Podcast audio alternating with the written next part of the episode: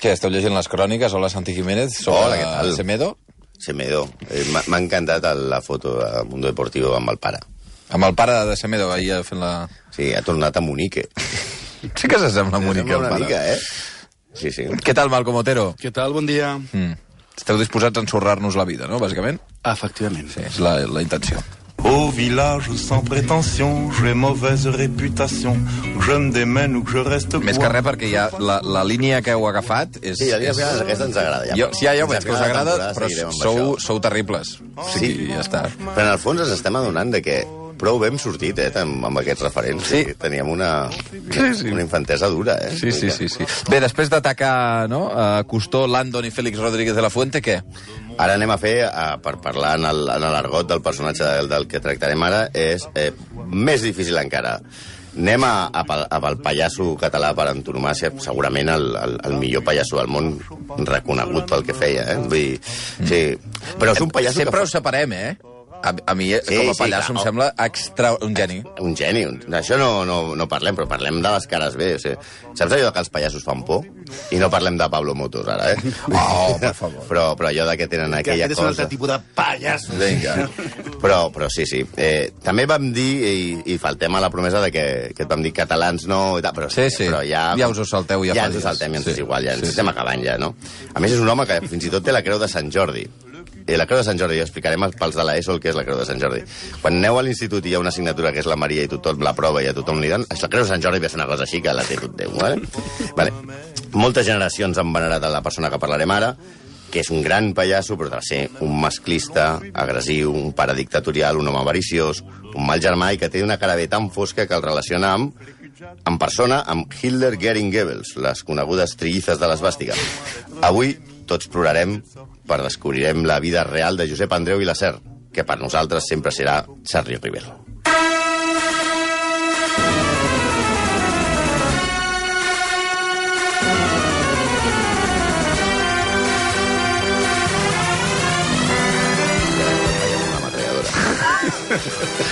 Però aquesta fa, uh, fa angúnia més, aquesta versió de, sí, sí, sí. de l'entrada del, És com fa por, eh? del circ. Sí. Bé, què passa amb Rivel? Pues, Rivel forma part d'una extensa família d'artistes de circ que ell mateix va intentar eclipsar amb la seva manera de ser i en la seva fama. Per entendre'ns, és com si Prudencio Indurain hagués conquerit la fama a còpia de fer oblidat el seu germà Miguel.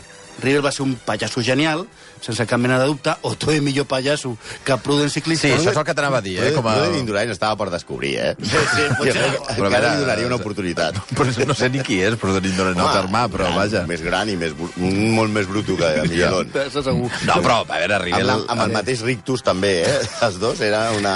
Rivel ja era, ja era un... Era un gran. sí. Era un gran. Era un gran. Sí, però la seva fama va imposar-se a l'imaginari popular per sobre del de la seva família, que també eren uns genis, com a mínim, tant com ell. O sigui, la, el problema també, en part, és que ha quedat la història de Charlie Rivel, però no dels Rivels, Del que era tota Ah, la família. Aquí és on anem, sí. Penseu que eh, la fama de Charlie Rivel ara està una mica oblidat, però va ser enorme. O sigui, Federico Fellini, eh, el director de cinema, no el defensa de la Juve, li va retre homenatge a la pel·lícula I Clowns, al 71. I una cosa que ja per això el faria execrable, el 1973 va actuar com a estrella invitada al Festival d'Eurovisió. Qui, el Rivel? Charlie, Charlie Rivel, Al sí, 73? Sí, al 73. Val a dir que a, abans, al Festival d'Eurovisió, hi havia un nivell musical bastant decent. Sí. Aquell, aquell any, eh, per exemple, eh, Espanya participa amb Eres tu, Mocedades. Sí, senyor. Una cançó, Extra, can- extraordinària cançó. cançó. de karaoke absoluta, no? No, karaoke no, però és perillosa com a cançó sí, de karaoke. allò de grup i tal, sí, te- tens raó. I, o sigui, que, o que, o, i, i Rivel va estar actuant mentre es feien el recompte de vots. Perquè abans, com ja hem dit, la, la música estava bé Sí. i a les votacions era un cunyàs. Com això ha anat perdent nivell, ara les actuacions són un cunyàs i divertit són les votacions. O sigui, de fet, eh, eh, Eurovisió és execrable per si mateixa, excepte quan montes la gala amb els inadaptats socials aquests. que Escolta, Que... Parlo dels col·laboradors. Els col·laboradors, no? Els oients no, no? Els oients són fantàstics, però quan portes aquí el Broc i tots aquests... Mira, tinc una qüestió al respecte, perquè la guanyadora de- d'Eurovisió de, d'aquest any, del, del karaoke que vam fer, eh, va- vam dir que el, el premi era gravar una disc, cançó, sí. no? I, gravar, i, I anar a un estudi. Crec que igual la setmana que ve tenim alguna... El que hauríeu de fer Alguna és, novetat. és que gravin els altres inadaptats. Sí. Exacte, fer un disc. No, tornem, tornem a Rivel. La, la, la veritable fama de Charlie Rivel, Sí. quan ho va patar de veritat, va ser als anys 30 i 40, especialment a Alemanya, on els Rebels, que és com, com dèiem, com es, diu la, es deia la companyia fundada pel pare, que es deia Pere Andreu, mm.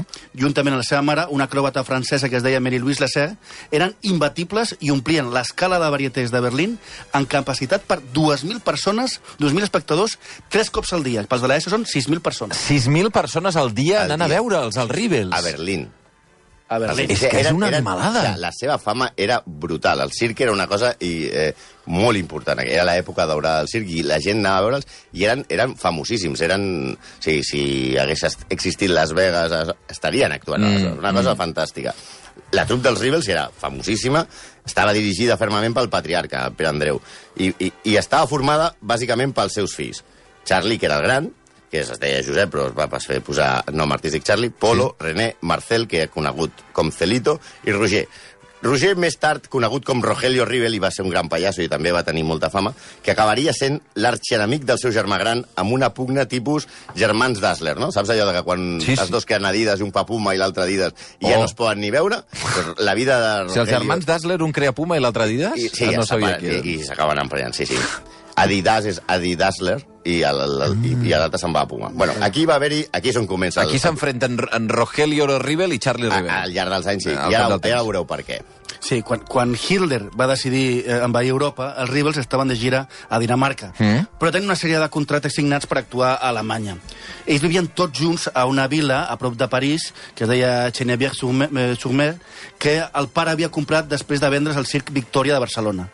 El dubte davant dels fets que estaven produint a Europa divideix la família. D'una banda, els germans petits defensen que no poden actuar pels nazis i volen cancel·lar-ho tot i tornar a França. Però Charlie, ja amb evidents simpaties cap a la nova ideologia, defensa que han de complir el que han pactat. Clar, a veure, també hem d'entrar en, el, en Sí, el context. jo ara- jo ara- jo ara et diré que- jo Dir-li li- dir que no a Hitler Sí, sí, i, a, no, i als empresaris que t'han contractat no havia de ser fàcil, No, no? no. I què fan? Tornen a Alemanya Sí. i allà és on nostre, el nostre pallasso de l'Udol es comporta molt malament, gairebé com un porc amb la resta de la família. Quan estan allà a Alemanya actuant, al- a l'inici del nazisme, intenta convèncer el seu pare, que tenia 61 anys, que delegui en ell el lideratge de la companyia. El pare i els germans estan en contra, perquè Charlie ja donava traces, segons expliquen ells mateixos, i obro cometes, de ser una persona autoritària, de grans ambicions, i que eh, només volia tenir molta gent al seu voltant que la falaguessin i parlessin bé d'ell. Mm, per entendre's, una mena de Cristiano Ronaldo amb la cara pintada i perruca. Mm. Ser el cap Però sense els abdominals. No. de xocolata. Ser, ser el cap de la colla suposava decidir els números, en què Charlie sempre quedava com a estrella i també administrar els ingressos, establir els contractes i les gires. Ni el pare ni els germans es fiaven de Charlie, que va de, a decidir ascindir-se del clan familiar i establir el seu propi clan. Ah, se separa. Sí. Exacte. S'independitza Mhm. emportant-se tot el que va poder. Els números, l'atrezzo, els detalls creats al llarg dels anys pel patriarca de la família... I on està el problema? Amb el nom. És a dir, els Rebels eren una companyia famosíssima. Uh -huh.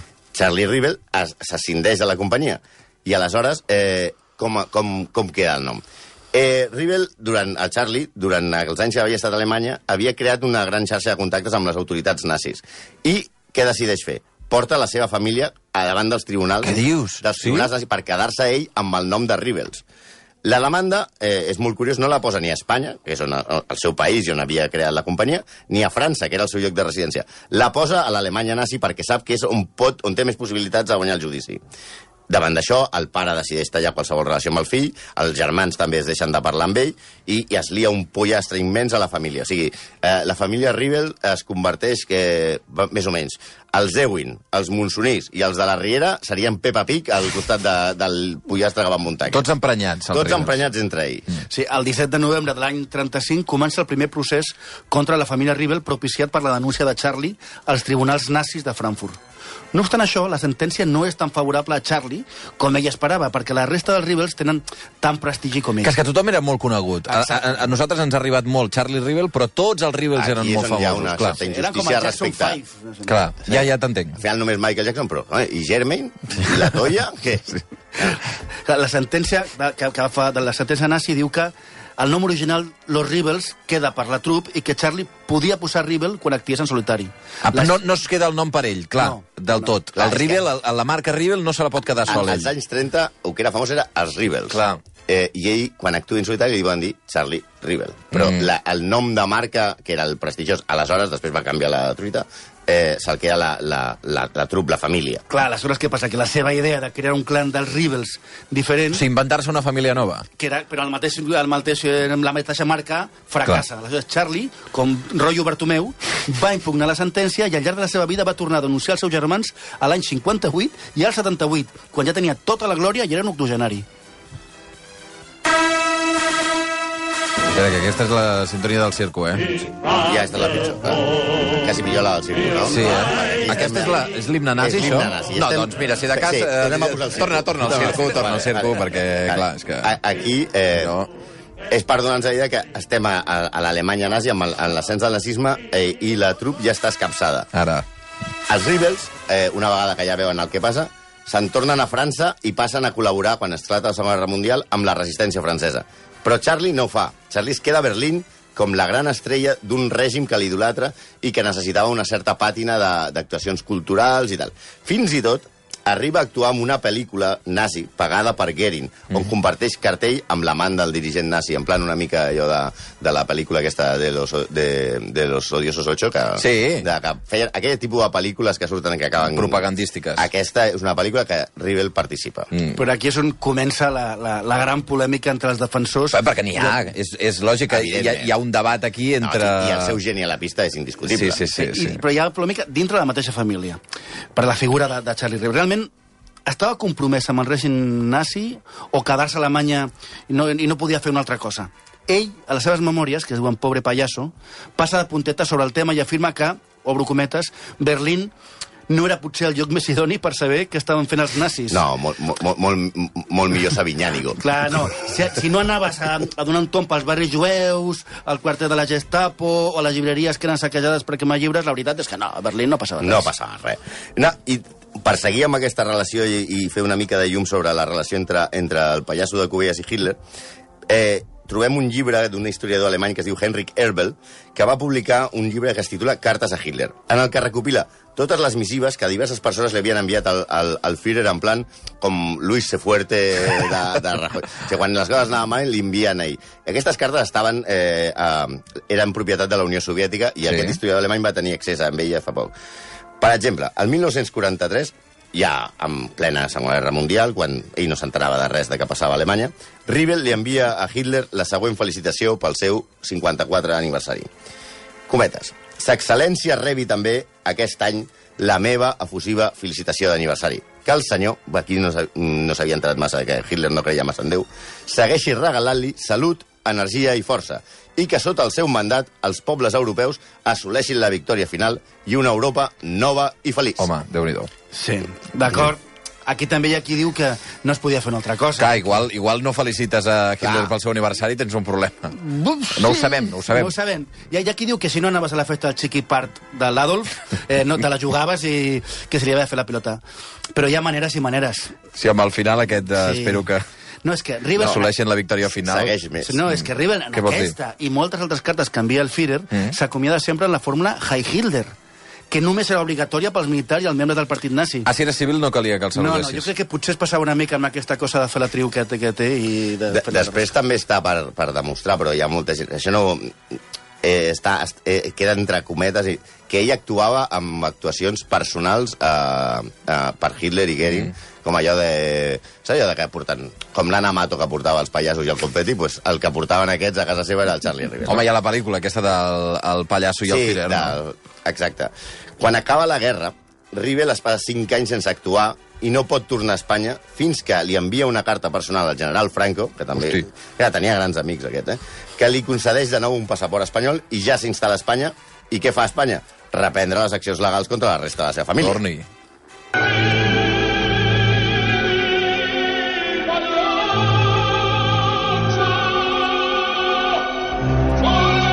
Sí, sí, ja, ja veiem que els pallassos tenen una part Sí. una mica... Però és que, però Sí, compte, total, sí. perquè si a la família en la que va partir Pérez a Alemanya el 35 la relació era més difícil que una assemblea dels comuns, en la que va viatjar amb ell i va formar part de la seva trup, la cosa no va anar gaire millor. Que vols dir que a casa seva tampoc Sí, no... ell, ell forma la seva trup amb Sí. sí. els seus fills i, i s'endú una part de la família. Sí, Sí, tots són- la seva directa. Tots són uns rebels, però Clar. no eren els originals. Clar. Per exemple, i aquí és on surt un personatge eh, magnífic, gran rajador, que es diu Jax, és el seu net, que és el fill de la Paulina Schumann. Eh, era la, la filla gran de Charlie Rivel, que es va casar amb, amb un famós artista de circ que es deia Schumann, uh -huh. que era danès, i, eh, i, va, i va, la que va poder se'n va, anar, va canviar de clan i se'n va anar amb el Schumann i allà va ser una de les millors amazones de, de que hi havia, actuava a cavall. Eh, o sigui, la, ja, per, tenim la filla de, de Rivel, que és Paulina Schumann, que es canvia el, el cognom, mm, però a través del rajador, dius, de la història, Clar, que és Jax, que Jax, és el net. Que és el, fi, el net. Mm. Explica, eh, Jax, que eh, això és textual, Charlie Rivel, la seva, el seu record del seu era Charlie Rivel era autoritari, però limitat i primari. Les dones per ell no eren res. Era molt masclista i molt dolent en tots els sentits. Pagava els seus fills i fins i tot a mi amb el cinturó. Tot i que fos un professional de gran intel·ligència i talent, els Rivels era una família estúpida i destructiva i aquí és on els segueix la gent, tot i que els Schumann tampoc eren massa intel·ligents. Benvinguts al meravellós món del Si no agrada... Ningú se'n salvava, tampoc, no? Sí, explica també la mateixa font que Charlie Rivers s'adreçava a la seva família, La seva filla, la seva a la filla. seva filla, perdona, amb el, amb el bonic apel·latiu de putana pels de l'ESO, que, que, que crec que no cal traducció, No. perquè després de divorciar-se, eh, Albert Schumann sortia eh, d'Al- d'Albert Schumann sortia amb les seves amigues de festa, que estem parlant dels 70, eh, no dels anys 20. Sí, sí, sí, sí. sí Molt- es divorcia la teva filla molt I diu això es dirigia així a la seva sí, filla, putana, eh? sí, sí, sí. El net també té motius per estar emprenyat, perquè en aquestes disputes familiars sempre al final què acaba? Havent una qüestió de diners. Home, pasta, sempre. Aquí, la, l'herència i tot aquella.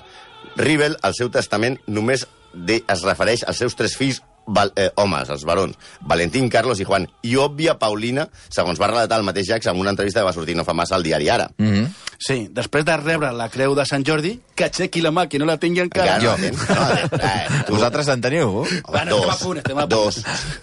No crec que després de tot el que fem, crec que No, no, no, no, no la estem a- guanyeu. No estem a les apostes, eh? pues després de rebre la, la creu de Sant Jordi, Rivel va fer, va fer la seva última actuació a Madrid al Circ de la Ciudad de los Muchachos, al febrer de l'any 83. Va declarar Tu imagina't això a la ciutat de los muchachos en el Gay Pride. va, va declarar que també hi havia el Circo de los Muchachos, és a dir, dintre d'aquesta institució. Va declarar que marxava trist perquè només el van anar a veure els intel·lectuals i la gent del món de la cultura, però no el poble de Madrid, que era el que ell, ell volia que anés. Mm. La veritat és que va ser frustrant la seva última actuació perquè va declarar amb ton altisonal a la premsa abans de les actuacions, va dir sé que el Madrid em voldrà de nou i es veu que tampoc va, no, no gaire, una mica com Unió quan es presentava a les eleccions. De totes maneres, a Madrid va rebre la medalla a l'ordre del mèrit civil i va donar diverses entrevistes als diaris en les que va dir que està orgullós de diverses coses. Per exemple, de tenir tres estàtues dedicades a ell, estant encara viu. No era massa vanitós, com no. podem veure. I d'haver-li guanyat, això és una, una llegenda que sembla que és veritat, haver-li guanyat un concurs d'imitadors de Charlotte en el que va participar d'incògnit el propi Chaplin. Ah, perdona. El, el Charlie Rivel li guanya a Chaplin imitar-se a si Això és una mateix. que sembla que és veritat, perquè també a la, a la, bi- a la biografia de Chaplin s'explica que és veritat que Chaplin es va presentar a un concurs d'imitadors D'ell mateix. d'ell mateix, d'incògnit, I va perdre. d'incògnit, i va quedar tercer. sí, no, i, i, que, i, I el que jo no sabia quan vaig llegir la biografia de Chaplin és que el que va guanyar, segons diu, era, era Charlie, Charlie Rivel. Rivel. Clar, la, la història està en què, què collons s'havien begut, què feia Chaplin, pre... sí, què feia Chaplin, presentar-se a un Però concurs que d'imitadors aquest és d'ell? la clau. O sigui, Chaplin, què feia presentant-se a un concurs d'imitadors de si mateix? Suposo que el segon va ser l'altre. Sí, no, no sé, però és, és, és molt Oriol curiós. Cruz. Sí, I, sí, i, qui era, i, qui era, I qui era el, el jurat? Sí, clar, que va, clar. Que va dir que el pitjor Charlotte era Charlotte, no? és, molt, és, molt, és molt complicat, això, sí. Sí, ja per acabar s'ha s'ha de dir que tampoc eh, Charlie Rivel triava gaire bé els seus metges. En aquestes darreres entrevistes va confessar que el seu metge li acaba de dir que podia treballar 15 anys més. Tenia 80 i tants, eh? Va morir al pocs de pocs mesos. Devia ser el professor Bacterio perquè Mengele ja havia mort feia anys. El Eh? doctor Rosado, aquell que sortia per la tele, Sí, no? sí, sí, sí. En fi, que després de veure la vida de Chaplin ja sabem perquè alguns pallassos fan aquella por inexplicable Eh. a certes persones. Que teniu, teniu in intenció de seguir destrossant-nos la infantesa, vosaltres Si tenim dos, un o- programa més, no? Sí. Pues ja acabarem fent això, no? De... Seguim amb, amb aquestes, no? Bé, de, a mi em matareu, però vaja, vosaltres seguiu. Us anireu de vacances tranquils, vull dir que... Per això, però, però mira que bé hem sortit, tu. Sí, sí, sí, sí. Les 11 i un minut, senyors, moltes gràcies. A eh? vosaltres.